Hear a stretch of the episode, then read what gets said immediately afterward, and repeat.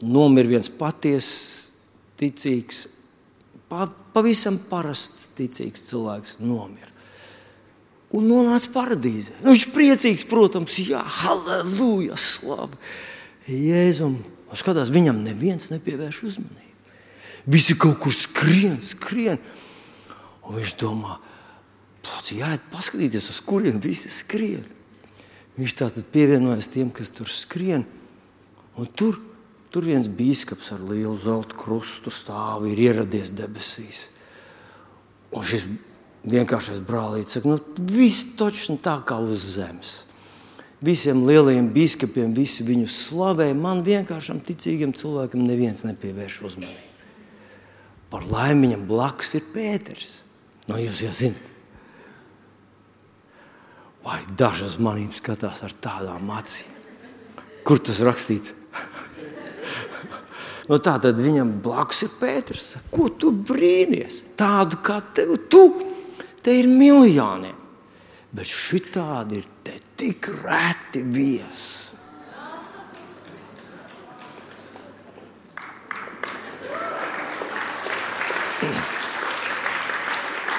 Es necenšos pateikt, ka kalpotāji tradicionālās baznīcās ir nepareizi vai kaut kas ar viņiem nav slikti. Ir slikti, Nē, bet es gribu teikt, ka liels krusts, liels zelta krusts var neko nenozīmēt. Un var būt vienkārši amata tērps.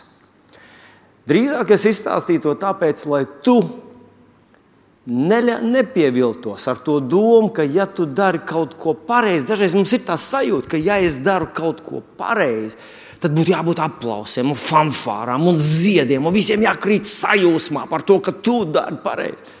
Māmiņa, kur vienkārši pareizi audzina savu bērnu, visdrīzāk nesaņem nekādas lielas uzslavas.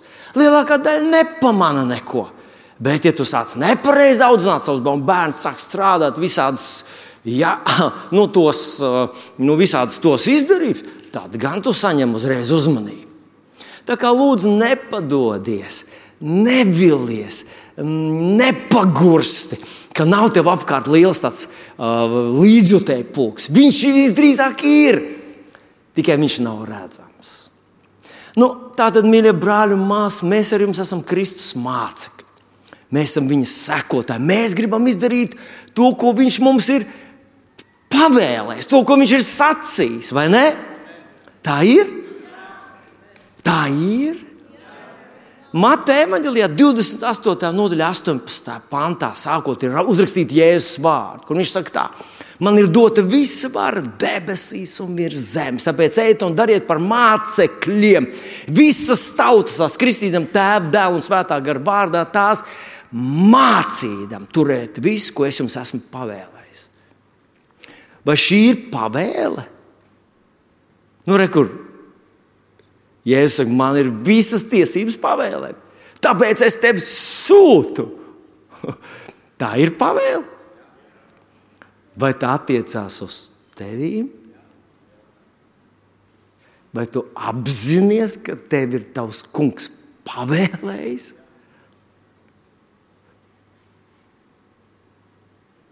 Es atnācu nepareizā svētdienā. Nē, ne? atnācu pareizā svētdienā. Jēzus grib. Viņš vēlas, lai mēs ar tevi būtu viņa mācekļi, kas dara par mācekļiem visas tautas. Un kā tu esi ievērojis jau šī pašā pantā, mēs varam redzēt, 19. pantā, viņš saka, māciet viņiem, ko es jums esmu mācījis. Jēzus saviem mācekļiem trīs ar pus gadus mācīja, saka, mācīja. Dažreiz Tradicionāli dievkalpojums mums saistās ar tādu nu, sēdēšanu, spēju sēdēt.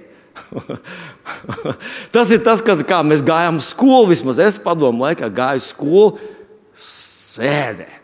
Ja kāds man toreiz būtu pateicis, ka Vilni, tas, ko tu te iemācīsies, tas tev vēlāk noderēs. Man pat es mācījos medicīnas skolā. Neviens doktors, iesākot savu stundu, neteica, hei, šodien es mācīšu, ko jums darīt, tad, kad jūs izsauks, un jūs atbrauksiet ar ātrā palīdzību, un tur būs cilvēks, kurš būs. Nē, es varbūt pārspīlēju. Bija tādi cilvēki, kas teica, jā, kā atšķirt smagāk cietušo no, no mazāk cietušā. Viņš teica, smagāk cietušais ir kluss. Tas, kuram trāpīja vairāk, tam, tas, kuram trāpīja mazāk, klieks, pieprasīs, paģērēs, lamāsies. Bet tas, kurš vienkārši klusi guļ, ir vissmagāk ciets. Ejiet vispirms pie tā. Tātad kādreiz bija tādas runas, bet lielākā daļā vienkārši viņi nolasīja savu, un mēs izlikāmies, ka sēžam un klausamies un gatavojamies kam? Kam gatavojamies? Starpbrīdim, o, te ir daži sliktāk vēl par mani. Gatavojamies eksāmenā. Ne jau dzīvē, gatavi. Mēs gribam eksāmenu, dabūt atzīmi, labi, tikt ārā no skolas ar, ar, to, ar, ar to apliecību. Ak, kungs! Bet Jēzus trīs ar pus gadus dzīvoja kopā ar saviem mācekļiem. Viņš gatavoja mācekļus dzīvē, viņš gatavoja mācekļus, lai viņi iet pie tautām, un viņš viņus mācīja. Saki, mācīja. Ja tava kristietība ir kristietība, kur tu neko nemācies, kaut kas nav pareizi. Mums ir jāmācās. Bet tā tad Jēzus trīs ar pus gadus savus mācekļus mācīja. Bet pirms viņš devās prom, tad viņi bija daudz ko mācījušies no viņa. Bet pirms viņš devās prom, viņš teica viņiem, lai viņi neiet prom no Jeruzalemes. Tas ir uzrakstīts Lūkas evanģēlijā, 24. nodaļā. Viņš sacīs saviem mācekļiem 49. pantā tādus vārdus: Palieciet! Mūsu revidētajā tekstā nav vārdiņš Jeruzalemē, bet, ja tu paskatīsies visus citus tulkojumus, visur ir palieciet Jeruzalemē! Palieciet pilsētā, līdz jūs tiksiet apģērbti ar spēku no augšas. Mīļais, mans brāl un māsas šajā rītā, es gribu teikt, ka mums daudz kas ir jāmācās, un tas ir jāmācās. Ir nepareizs veids, kā kā darīt par mācekļiem. Ir nepareizs veids, kā prezentēt evaņģēlīju, ir nepareizs veids, kā runāt par kungu Jēzu Kristu. Un mēs mācāmies to darīt pareizi. Bet Jēzus sacīja, ar to vēl nepietiek. Viņš teica, vēl nekur neiet. Vēl nekur neiet, paliekat Jeruzalemē līdz jūs dabūsiet spēku no augšas. Nu, mēs ar jums zinām, ka tie paši vārdi uzrakstīti apstuļu darbā, pirmajā nodaļā, astotajā pantā, apstuļu darbā 1,8. Jēzus saka, bet jūs dabūsiet spēku, kad svētais gars būs nācis par jums un būsiet man liecinieki. Un tad viņš liek konkrētu secību. Šodien mēs viņus neapstāsimies. Jeruzalem, Jūdei, Samārija un līdz pat pašam pasaules galam. Tā kā uh, īstenībā nav tādas vietas, ka tu saki, es jau visiem esmu pateicis, kas man te apkārt ir. Es jau, es jau visiem esmu izstāstījis, visam esmu uzaicinājis. Nē, tas mērogs ar vienu paplašinās, ka tu esi beidzis Jeruzalemē, vēl paliek jūdei un tā tālāk. Un tā tālāk. Bet ievēro vēlreiz, Jūs dabūsiet spēku, kad svētais gars būs nācis par jums. Viņš runā par svēto garu, ka līdz ar svēto garu kaut kas īpašs atnāks, ko nevar iemācīties. Un, mīļie draugi, esmu cilvēks, kurš vēlas, kurš īpaši piedomā pie tā, lai izturētos pret Svēto garu ar īpašu pietātu, ar īpašu cieņu, ar īpašu mīlestību. Es saprotu, mīļie draugi, es nezinu, ko, kādas ir tavas domas par Svēto garu, bet es domāju, ka iespējams mēs vispār nespējam apjaust, cik sausa, drūma, naidīga būtu kristietība, ja nebūtu bijis vasaras svētku dienas, ja nebūtu svētā gara izliešanās. Un kur vien viņam dod iespēju kaut vai 5%, 2%, 15%. Ceru, ka kaut kur dod vairāk. Viņš atdzīvina un veic šo savu brīnumaino misiju, svētais gars, Dieva trīsvienības trešā persona. Bet šajā rītā es jūtu, ka svētais gars man pamudina um, akcentēt kādu īpašu spēju, ko mācekļi saņēma šajā vasaras svētku dienā. Un es, manuprāt, nu, vismaz es to no, no savas skatījuma redzēju to, to konkrēto radikālo pārmaiņu, radikālo pārmaiņu, kas notika mācekļos, kāda viņi bija pirms vasaras svētdienas, pirms viņi saņēma svētā gara kristību un pēc svētā gara kristības. Un es ļoti ceru, ka šajā rītā arī tu man palīdzēsi, vai, vai sekos man līdzi un arī ieraudzīs to. nu, pirmo ilustrāciju, tātad pirms vasaras svētku dienas mācekļi, kas iet kopā ar Jēzu, mācās no Jēzus. Tāda ļoti spilgta tāda izpausme vai, vai aina, kas mums kaut ko atklāja, ir uzrakstīta Lūkas evanģēlijā, 9. nodaļā, no 54. panta. Tur ir divi brīnumaini, brīnišķīgi mācekļi, kas ir brāļi savā starpā, Jānis un Jēkabs. Un te ir Jēzus, kurš dodas uz Jeruzalemi. Jēzus dodas uz Jeruzalemi. Un viņš iet pa taisnāko ceļu, un tad viņam jāiziet cauri Samarijas ciemam. Tas ir apmēram trīs dienu gājums. Tie, kas ļoti iedziļinājušies Bībeles tekstā, esmu lasījis, viņam jāiet apmēram trīs dienas. Un tad viņam vajadzēja trīs naktis pārnakšņot, un viena no tām naktīm iekrita pārnakšņot samariešu ciemā. Samariešu ciemā. Un tie samarieši uzzinājuši, ka Jēzus ar saviem mācekļiem iet uz Jeruzalemi, atsakās viņus pieņemt pie sevis. Atsakās viņiem iedot uh, viesnīcas istabiņu, atsakās viņiem da, dot da jebkādu naktsmītni. Faktiski viņiem saka, jūs nevarat pie mums palikt, jums jāiet vai nu cauri, vai prom. Un tad mācekļi dara kaut ko, kas mums, kā, mums varbūt mazliet liekas, nu, ka tas ir kaut kas tāds, nu, kaut tāds neirotisks, kaut kas tāds, tāds, tāds supernervos, kaut kāda egoistiska, izlutināta cilvēku nu, tāds, uh, nu, rīcība. Viņi pienāk pie Jēzus, kungs, ja tu gribi, mēs teiksim, lai uguns nāk no debesīm un sadedzina visu to ciemu. nu, jūs tā teiktu? Vilnu, nu, ko, ko, ko tu. Mēs iegājām mašīnu un aizbrauktu uz blakus pilsētu. Nu, bet Mēs to, mēs to varbūt nesaprotam, tos mācekļus, tāpēc, ka, mums, nu, ka mēs īstenībā nesaprotam visu to kontekstu, kādā tas notiek. Vispirms Jēzus ar saviem mācekļiem jau ir bijis šajā samariešu ciemā. Nu, kad viņš tur ir bijis? Viņš tur ir bijis nu, kādas, nu, kādas uh, nedēļas, varbūt mēnešus ātrāk, kur viņš bija pie nonācis pie e, jēkaba akas, un mācekļi aizgāja pilsētā pirkt pārtiku, un Jēzus palika pie tās, pie tās akas. Un tur atnāca viena samarieša sieviete, viņa atnāca ūdens smelt. Un tad Jēzus viņai prasa, lai viņi viņam pasmeļ ūdeni, viņi tur viņam sākās tāda garāka saruna, un tad viņi nonāk līdz tam, ka tev ir septiņi vīri bijuši, un tas, kas tev tagad ir, un tad tā sieviete saka, bet tu esi mesija.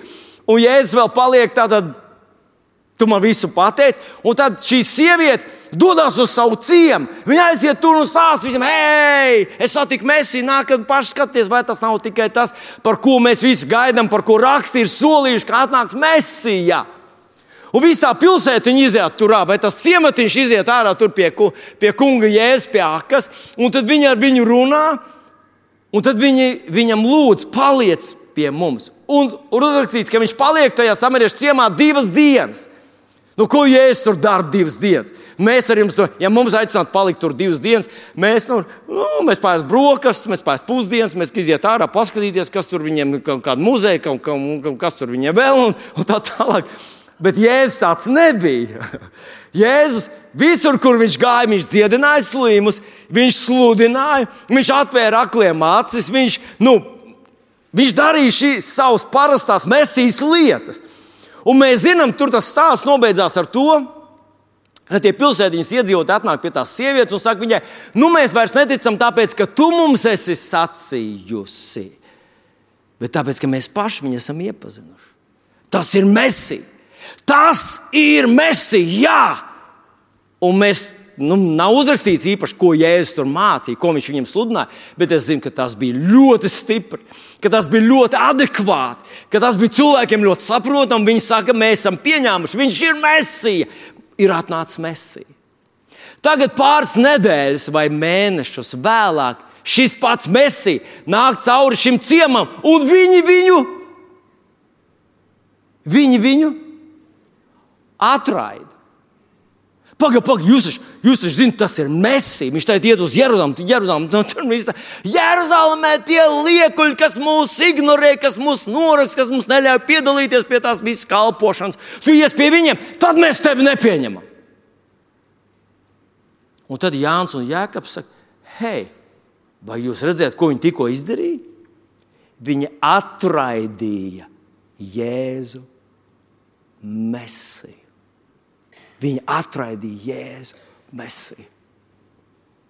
Tad uz mirklīti mans mīļākais draugs.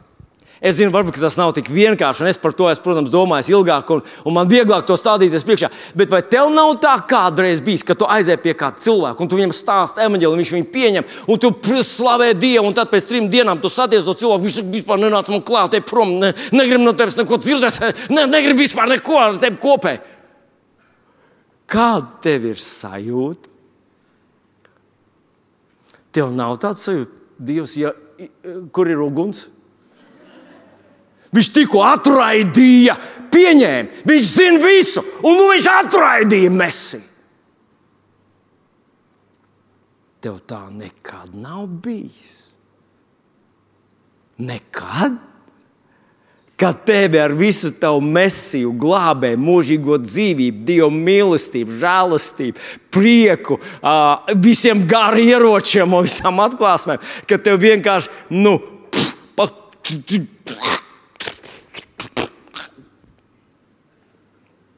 Tev nav bijusi tā sajūta. Tev nav? Vai tu esi godīgs? Man bija vienreiz viena saruna ar vienu cilvēku, kurš tādā atklāsmes brīdī sacīja tā. Zini, Vilni, manā dzīvē ar vien vairāk ir cilvēki, kas man nepatīk. Viņš atraidīja manu glābēju. Man viņš nepatīk. Man nepatīk tie politiķi, kas grib pieņemt to Stambulas konvenciju. Man nepatīk tie diktori, man nepatīk tā mūziķa, man nepatīk tie, man nepatīk tie, man nepatīk tie, man nepatīk tie, man nepatīk tie. Man nepatīk tie. Es sāku domāt, viņš man saka, es sāku domāt, vienā dienā, vai Latvijā ir kāds cilvēks, kas man patīk. Viņi atraidīja man kungu. Tagad, mīļais draugs, nē, nu, lūdzu, saprotiet man pareizi. Tas nav vienkārši tāds pirkstu debesīs baksts un saka, viņi tā jutās. Tie mācekļi bija uzaudzināti uh, vecās derības gaismā. Un paskatieties, kas ir otrā mūža grāmatā, 21. nodaļā uzrakstīts. Paklausies uzmanīgi. Aci pret aci, zobu pret zobu, roku pret roku, kāju pret kāju, deguna brūci pret deguna brūci, ievainojumu pret ievainojumu, rētu pret rētu. Dzīvība pret dzīvību, nodevība pret nodevību, aizliegumu pret aizliegumu. Tu man izsiti zobu. Nu, labi, labi, es nenositīšu tevi, bet zobu es tev izsitīšu. Jūs atraidījāt mesiju, jūs atraidījāt mesiju, jūs atraidījāt mesiju.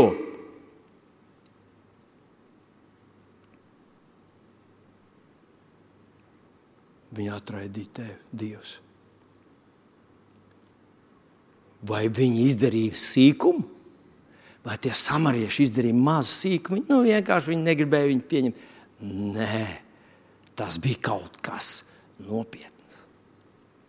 Citiem vārdiem, ieraugi šos mācekļus, kas uztvēra savu kungu ļoti nopietni. Ļoti nopietni. Un nu viņš tika atraidīts saskaņā ar visiem vecās derības, bibliskajiem, ķēnišķīgajiem principiem, ugunī bija jākrīt.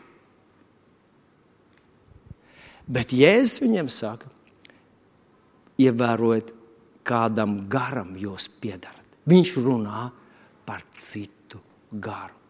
Bet es gribu parādīt tev vēl vienu, vai atgādināt, pareizāk sakot, vēl vienu, vēl vienu notikumu. Tas ir Tas ir uh, uzrakstīts Jāņa Evanģelijā 18. nodaļā, tur galvenā darbojošās persona bija apustulis Pēters. Un kā mēs visi zinām, Pēterim bija kas? Kas bija Pēterim? Uh, sievas māte viņam bija, tad viņam bija arī sieva. Ja? Bija sieva Pēterim. Visdrīzāk bija. Visdrīzāk Pēterim bija bērni arī. Bet Pēterim vēl, vēl bija kāda nopietna lieta, kas Bībelē ir pieminēta, ka Pēterim bija Kas? Zobens. Pareizi. Paldies. Mārtiņš iedos man zobenu. Ja kas uzmanieties ar Mārtiņu, viņam arī ir zobens. Es paņemšu tikai zobenu. Tātad Pēterim ir zobens. Viņš uztver jēzu nopietni. Viņš staigā ar viņu. Viņš vairs nav jaunietis, kurš meklē un vairs kaut ko cenšas saprast. Viņa vērtības ir ļoti stabilas un skaidras, un viņš iet kopā ar kungu Jēzu. Viņa acīs, atcerieties, viņš saņēma to kungs, tu esi Dieva dēls. Viņš saņēma šo atklāsmi, par ko mēs sakām, Jēzus ir Kristus. Tā ir tā atklāsme, uz kuras dibinātu draugu, un Pēters staigā ar savu kungu. Un tagad viņi ir ģēdzemāns dārzā, atnāk Jēzus gūstītāji, un Pēters stāv blakus Jēzum. Mēs šo situāciju uztveram kā? Kā mēs ar tevi uztveram? Mēs to situāciju uztveram, nu, kā tu un, un draudz, draudz mācītājs. Atnāk policija saņemt mācītāju. Tu saki, paldies Dievam, man, man nepamanīja. nu, tu, taču, tu taču vispār negrasītos neko darīt pareizi. Vilni, kas mums te jāsaka? Jā, tev nekas nebūtu jādara. Tev nekas nebūtu jādara. Situācija ir pilnīgi savādāka. Bet paskaties, ko domā Pēters. Pēters saskata Jēzu, ko tad? Dāvida pēctecis. Ķēniņa Dāvida pēctecis, par kuru Dāvidam bija apsolījums, par to, ka viņš sēdēs uz troņa un viņa valstība būs neizmērojama. Viņš ir mesija. Pēters staigā līdz karalim, īstajam, leģitīmajam, dieva svaidītajam, mesijam, Izraēlas ķēniņam. Un tagad atnāk tumsā kaut kādi cilvēki, kas grasās pieskarties, kas grasās arestēt, vai nu sazina, ko viņi grasās izdarīt ar manu ķēniņu. Ko darīt tu? Nē, redz, mēs ar tevi dzīvojam jau 2000 gadu pēc visām tām ķēniņa padarīšanām, visām tām attiecībām, kas ir ķēniņš un viņa tauta, ķēniņš un viņa pavalsnieks, ķēniņš un viņa uzticības personis. Tajos laikos tā bija absolūti normāla lieta. Nomirt ķēniņa vietā, ar savu ķermeni piesekt viņu, uzņemt lodi, lai ķēniņu pasargātu. Tā bija goda lieta. Tas nav brīnums, ka Pēters izrāva zobenu ja tu tur būtu.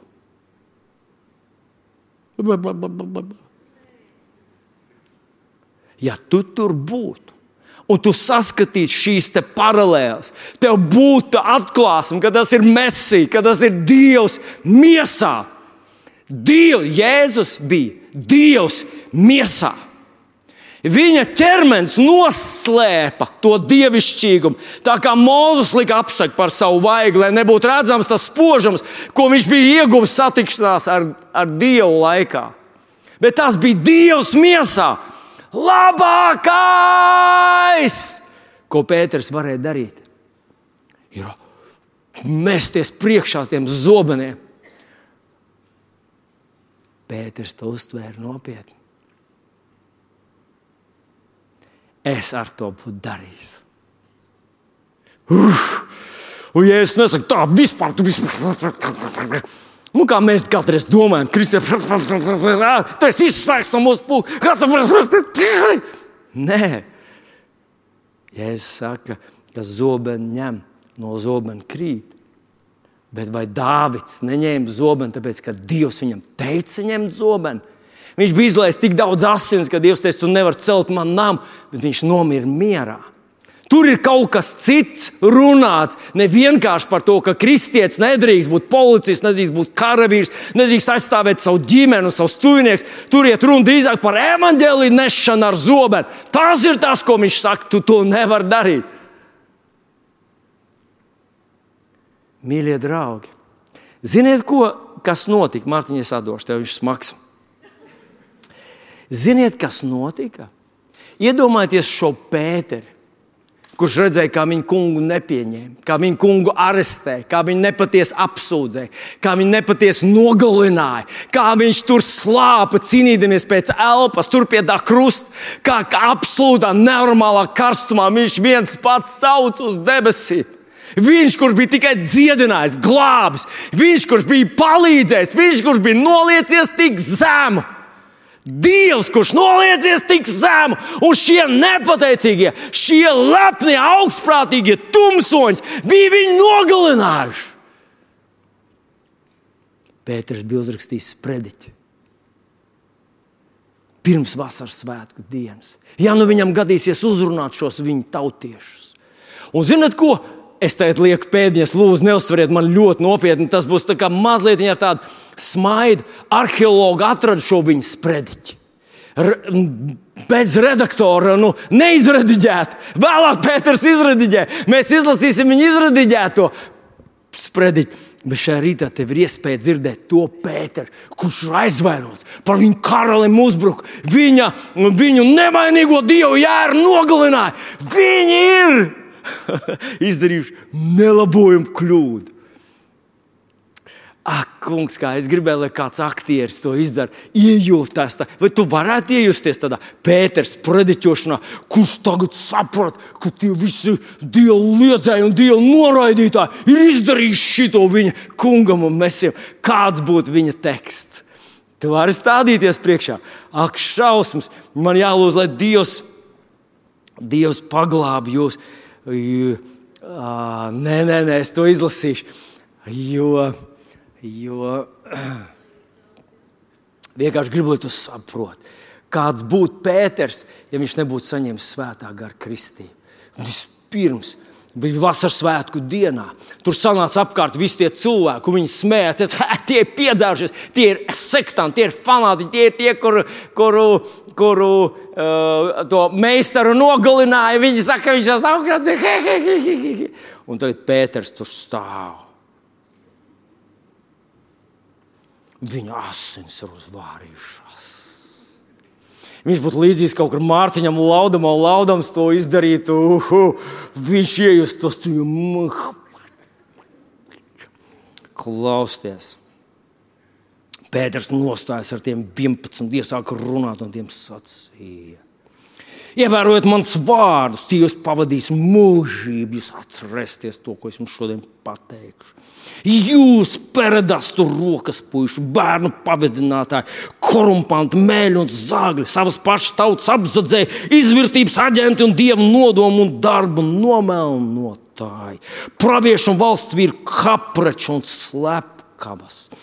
Mesijas, kur tēvi, mūsu tēvi gaidīja tūkstošiem gadu, noraidītāji, vajātāji, nepatiesi apsūdzētāji un slepkavas es varētu jums atgādināt desmitiem rakstu vietu, kur pravieši perfekti niansēs aprakstīja visu to, kas šeit notika. Bet es netērēšu savu enerģiju. Jums tas vairs neko nepalīdzēs. Jūsu izdevības ir palaistas garām. Game is over! Pēc gada jūsu mantīs, kožas sēstas, nicinās pat bombas un uzvilks to tikai tad, kad būs pilnīgā izmisumā. Pēc pāris gadu desmitiem visu šo vietu ar jūsu iesildītajiem zeltītajiem krēsliem, kuru dēļ jūs atraidījāt mesiju, iznīcinās, nodedzinās, apgānīs un izdzēsīs no zemes virsmas. Jūs visi noslīgsiet. Jūs zināt, ka 70. gadā mūsu ēras 70. Jeruzalem nodedzināja līdz pamatiem. Tur bija as, asins līdz zirgu iemauktiem. Un Bet Jēzus to bija brīdinājis viņus. Jūs visi noslīgsiet savos bēmekļos, kas sajaukt ar jūsu piederīgo asinīm.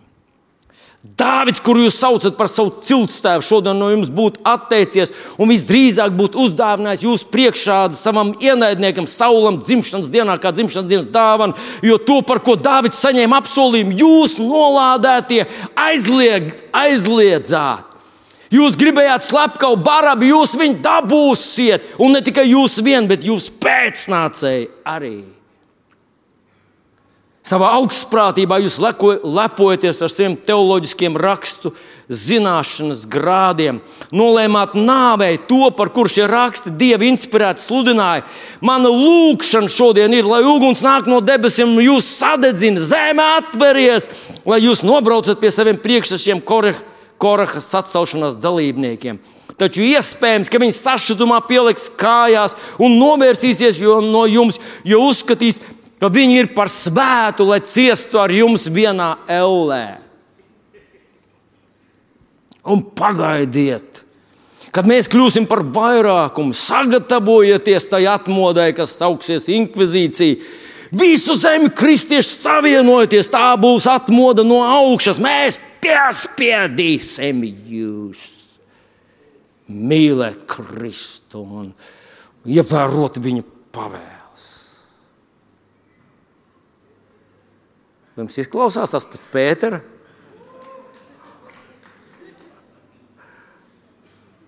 Bet paldies Dievam, Pēters to nedarīja. Tāpēc, ja es neko nerunāju, nevienu neko nesaku, pagaidi vasaras svēts, sagaidi svētā gara kristību. Sagaidi svētā gara kristību.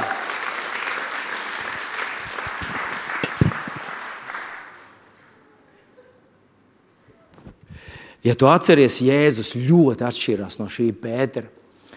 Atceries, Lūkas evanģēlijas 23. nodaļa, Jēzus pie krusta savas sāpju un izmisuma agonijas pašā, pašā, pašā nu, kā tas uz apgājā. Jā. Viņš lūdz, Tēvs, piedod tiem, jo ko tad?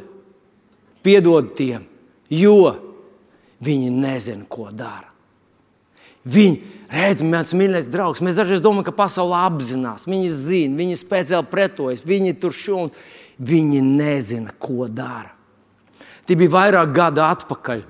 Kad es dzirdēju kādu sarunu, kur runāja vairāk šoferi, ziniet, mums atkal šogad būs dziesmu svētki, un tad sabrauc dziesmu svētku tie, tie autobusi no visām perifērijas, no visām mazām pilsētiņām, maziem ciematiņiem atbrauc dziedātāji, bet viņiem līdzi atbrauc arī šoferi. Un tad, kad dziedātāji tur visi dzied, tad šoferiem ir savu dziesmu svētki, viņi sapulcējās apkārt, un viņi tur bija stāsti, visādas uh, no nu, savus mednieku stāstus.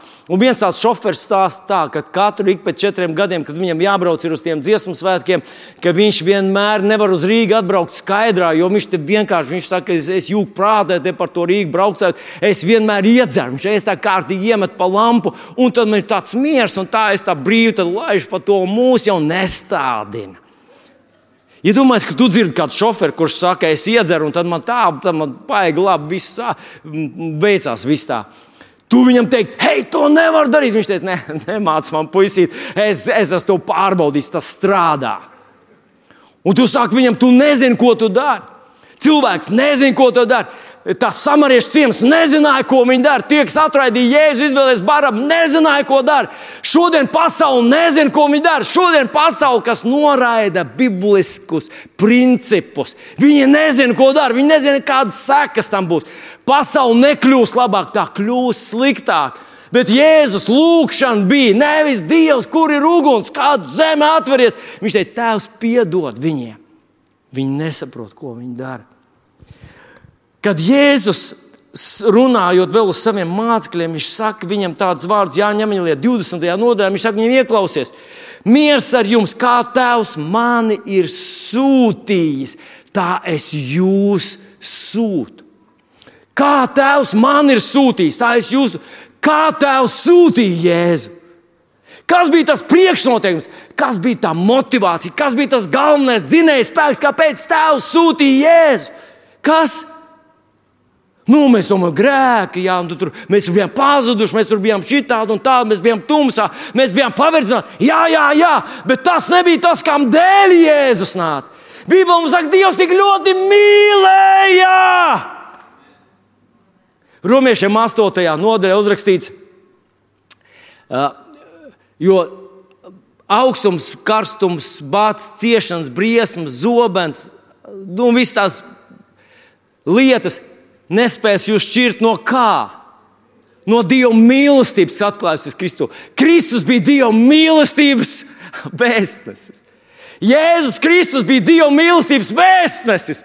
Un viņš saka, es esmu atnācis šeit, kā Dieva mīlestības pārstāvs, izglābt jūs. Un tad viņš saka, kā Tēvs man ir sūtījis, tā es sūtu jūs. Tā es jūs sūtu. Dieva mīlestības vēstnes. Tagad paklausies. Ar to man gribas teikt, ka ir atšķirības ar vecās derības praviešiem un sūtņiem un jaunās darbības. Mēs visi esam lasījuši Jonas grāmatu. Viņš ir ļoti nu, interesants ar to, ka viņš bija tāds zivs vēdā, un viņš tur bija šitā un tā, un tur, viņš tur negribēja, negribēja iet, bet Dievs viņu piespied, piespied viņu aiziet. Un Jona, mēs atceramies, viņš nosludināja to minimumu, ko Dievs viņam bija teicis. Viņš uzkāpa trauksmē un teica, nu, kad jau nāks, kad jau sāksies, kad jau kad tu viņu sodīsi. Viņš ienīda šo naidīgo. Tā bija Izraela tautai naidīga vara. Tie bija super, super spēks tā laika pasaulē. Izraela tika visu laiku apdraudēta no šīs Asīrijas varas. Un Jona gribēja kaut jau Dievs tiešām iznīcināt to Ninivu, kas bija galvaspilsēta, kas bija citadele, tā laika bagātība, varas, ietekmes, spožuma citadele. Un Jānis cerēja, ka Dievs tiešām izdarīs to, ko viņš solīja, ka viņš iznīcinās to Nīnību. Jānis bija piespiests ciet, sludināt cilvēkiem, kurus viņš ienīda. Mēs ar tevi šodien nesam spiesti iet. Jānis bija pēdējais pravietis, kur Dievs sūtīja, piespiedu viņu iet pie cilvēkiem, kurus viņš ienīda.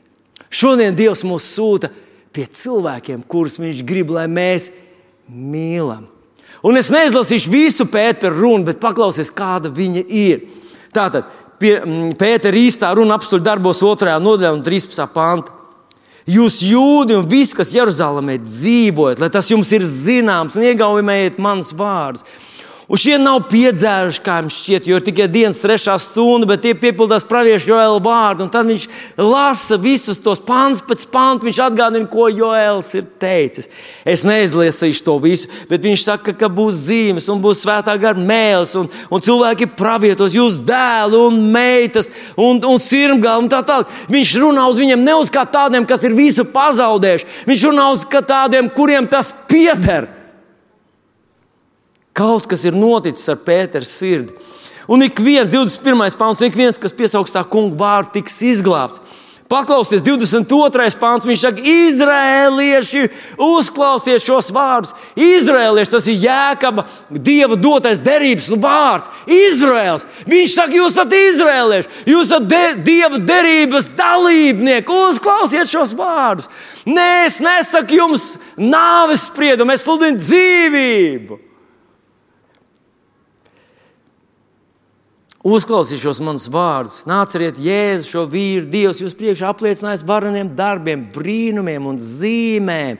Viņi zināja, viņš viņam atgādina to visu. Un tad mēs lasām tālāk, 29. pantā viņš saka, brāļi, brāļi. Pēter, tu uzrunā viņus par brāļiem. Tie bija tie paši cilvēki, kas balsoja, ka mēs gribam barabu, lai jēzus sit krustā. Viņi ir tavi brāļi. Jā. Kaut kas ir noticis ar Pēteru, un es ticu, ka tas ir tas, kas notika ar viņiem uh, augšām celšanās, piedodiet, tajos vasaras svētkos, Kunga Jēzus Kristus svētā gara izliešanās reizē.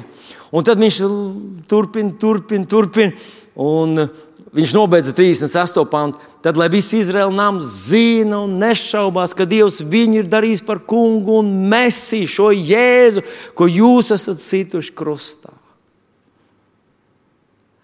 Viņš nepieturās vairs pie tā, aizliedzat, aizliedzam jūs, visu nodevāt. Arī Pēters trīs reizes aizliedz jēzu, bet viņš to nesapratīs, ko viņš dara tajā afekta stāvoklī. Pāvils vajāja draugu, un viņš bija Stefana. Uh, nogalināšanas viens no organizatoriem. Un Dievs neizmet ārā šos cilvēkus. Viņš ielika mīlestību savu mācekļu sirdīs. Un es redzu to uh, apstuļu arbos 7. nodaļā Stefans.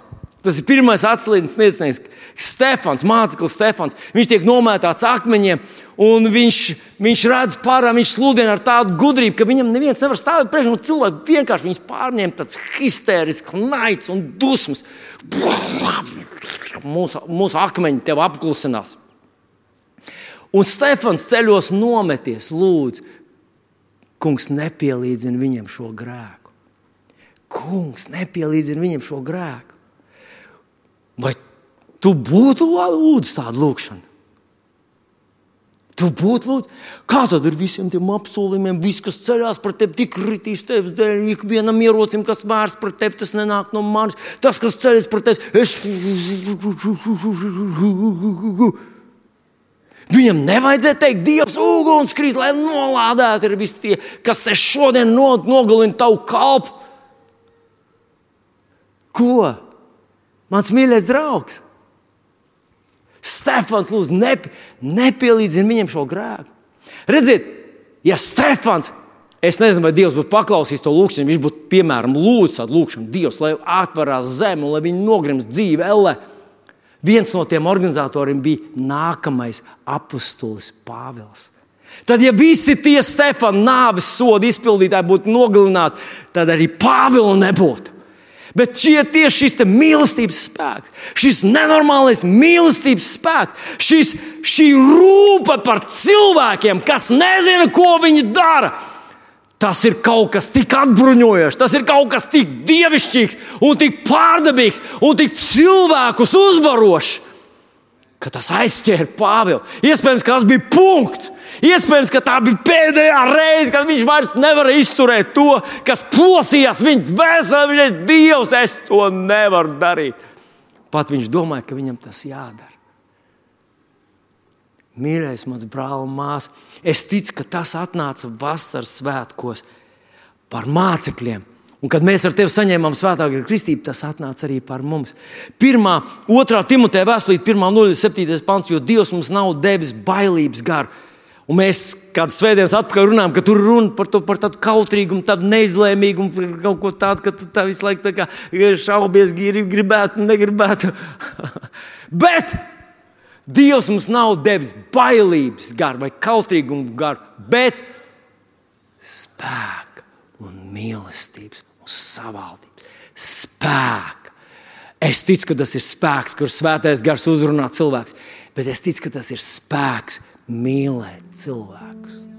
Ka tad, kad tu saņem svētā gara kristību, Dievs tev bez vis tā, ka Viņš tev palīdz un atgādina, bez vis tā, ka Viņš piešķir autoritāti taviem vārdiem, bez vis tā, ka tev ir autoritāte. Un vēl visādas citas brīnumainas lietas, ko Dievs ir devis tev caur svētā gara kristību. Viņš iedod mums spēku mīlēt cilvēku. Un tāpēc Pēters nešķēla zibeņus vasaras svētkos. Viņš runāja mīlestībā. Tāpēc Stefans teica, piedod viņiem, tāpēc Jēzus tēvs, ne, viņi nesaprot, ko dara. Tāpēc mēs ar tevi nebaidāmies no vajāšanām. Mēs nebaidāmies no vajāšanām, jo tas ir vienīgais apsolījums, kas mums nav dots. Ja tevi vajās Kristus dēļ, tad būtu jāparādās tai mīlestībai, ko Viņš ir tevi ielicis mīlestībai, ko Viņš ir tev ielicis. Vai tu dzirdi man, mans mīļais brāl un māsa? Dažreiz mēs aizmirstam par to. Dažreiz mums, mūsu emocijas, mūsu vēlme būt efektīvam, sasniegt rezultātu. Mēs gribam tagad, mēs gribam uz sitienu, mēs gribam vai nu pieņemiet, vai uguns no debesīm. Bet dažreiz tas prasa laiku. Dažreiz tā mīlestība iedarbojas tik nemanāmi, tik spēcīgi un tik dziļi, ka mums ar tiem nav nojausmas par to. Bet fakts, ka tu zini, ka Dievs ir izlaists savu mīlestību tavā sirdī. Un es gribu atgādināt, nobeidzot Romas vēstures 5. nodaļas, no 1 līdz 5. 5. ir tas, tas galvenais pāns, ko gribu tev atgādināt, bet es gribu atgādināt visu to no 1 līdz 5. Esmu pārliecināts, ka tu zini to tekstu tad nu, mums ticībā taisnotiem ir miers ar Dievu. Ar viņu gādību mēs, kas ticam, esam iegājuši tajā žēlstībā, kurā stāvam un teicam sevi laimīgus. Cerībā iemantot dievišķo godību. Bet nevien par to mēs teicam sev laimīgus, arī savā ciešanās. Zinām, ka ciešanas rada izturību, izturību, pastāvību, pastāvību, cerību. Bet cerība nepamet kaunā, jo kas ir rakstīts? Jo, jo mūsu sirdīs ir izlieta Dieva mīlestība ar svēto gāru, kas mums ir dots. Katrs cilvēks, kurš ar tevi sastopas, Viņam nevajadzēja sastapties ar tādu vienkāršu, tādu, zinu, tādu augstu evanģelizētāju. Ar tādu, kurš vienkārši stāsta, kas ir, ko viņš zina, ko viņš ir sapratis, ko viņš ir izlasījis, ko viņš ir dzirdējis. No tā, visas tās lielās, mūžīgās patiesības. Ir tāds ļoti pareizs apgalvojums, ka cilvēkiem ir pilnīgi vienalga, ko tu zini. Cik tu daudz esi sapratis, cik daudz tu visu kaut ko esi izpētījis un tā tālāk. Kamēr viņiem vienalga, kāds kristietis tu esi un ko Dievs tavā dzīvē ir izdarījis. Kamēr viņi neuzzina ka tavā sirdī ir ļoti liela rūpe par viņiem. Ka tev rūp viņš, ka tu mīli to cilvēku. Ka tev nevis vienkārši vajag izpildīt plānu evanģelizācijā, bet ka tu gribi viņu izraut no mūžīgas pazušanas, no ceļa, pa kur viņš iet, jo nesaprot, ko dara, nesaprot, uz kurien dodas, nesaprot, ko viņš zaimo un nesaprot, ko atraida. Kad viņi saprot, ka tu mīli, tas desmitkāršo tavu ietekmi.